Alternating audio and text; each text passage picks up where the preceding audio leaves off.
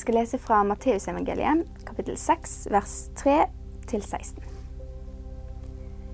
Yppersteprestene og folkets eldste kom nå sammen i huset til ypperstepresten som het Kaifas. De rådslo om å gripe Jesus med list og slå ham i hjel. Men de sa, ikke på høytiden, for at det ikke skal bli oppstyr blant folket. Men da Jesus var i Betania, i Simon den spedalskes hus, da kom en kvinne til ham med en eh, alabastkrukke full av kostbar salve. Den helte hun utover hans hode mens han satt til bords. Men da disiplene så det, ble de harme og sa, Hva skal denne sløsingen tjene til? Salven kunne jo vært solgt for mange penger og gitt til de fattige.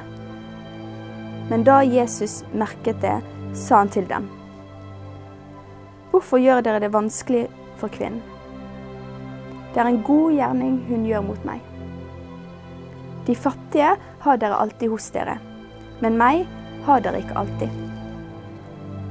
For da hun helte denne salven utover mitt legeme, gjorde hun meg i stand til min gravferd.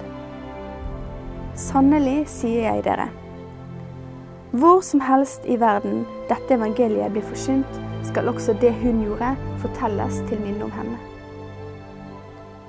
Da gikk en av de tolv, han som het Judas Iskariot, til yppersteprestene.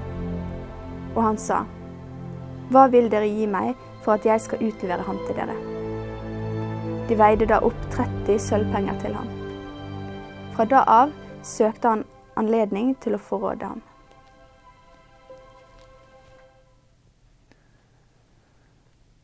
Onsdag er den stille dagen i den stille uka. Med mye drama og diskusjon med de jødiske lederne til nå i påskeuka, kan det virke som om onsdagen er stillheten før stormen.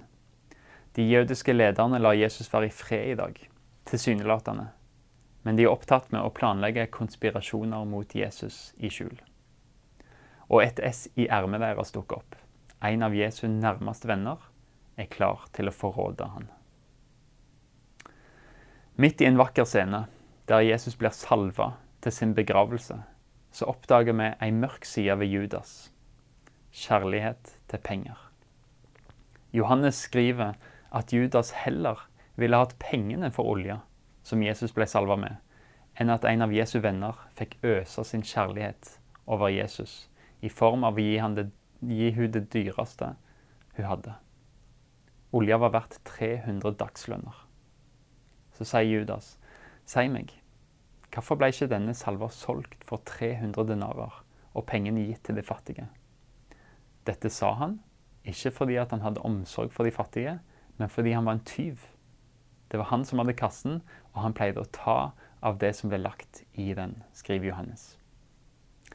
Judas er en figur som kan lære oss masse om oss sjøl. Han svikta Jesus, ja, men han kan ikke ha vært en sviker hele tida. Det må jo ha vært en grunn til at Judas fikk ansvaret for pengene som hørte til Jesus og disippelflokken. Matteus var en toller, god med tall, god med penger. Men det var Judas som fikk den tilliten av alle. Når Jesus sier 'det er en av dere som skal forråde meg', så er det ingen som sier 'aha, det er Judas'. Nei, han var som en av de elleve andre disiplene. Men det var noe som felte Judas. Kjærlighet til penger. Grådighet. En kjærlighet til noe annet enn Gud det kan være nok til å få oss bort fra Gud. Det begynner kanskje i det små, og så for Judas endte det med å selge Jesus for 30 sølvpenger. Det samme en slave var verdt. Ei kråke blir skutt etter med hagle. Skuddet bommer, bortsett fra ett lite hagl som treffer kråka og blir sittende i kroppen.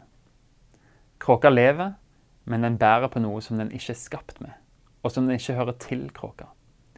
Sakte, men sikkert så blir dette såret mer og mer betent og fører til at kråka mister kontroll på flyginga, faller til bakken og dør. Et lite hagl, men det har forråtna kråka sine egenskaper og kontroll.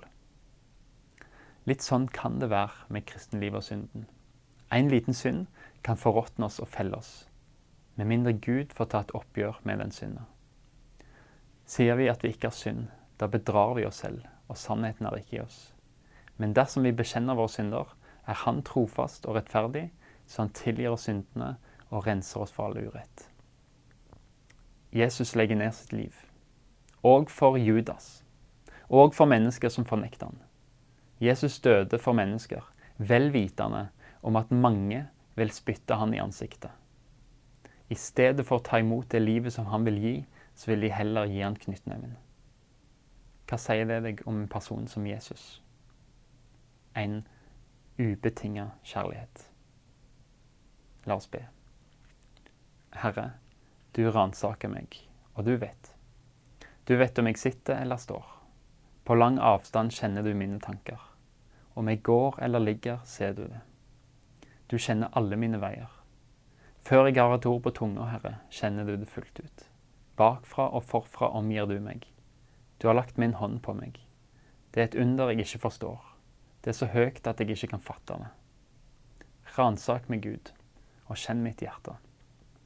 Prøv meg og kjenn mine tanker. Se om jeg følger avguders vei, og led meg på evighetens vei. Amen.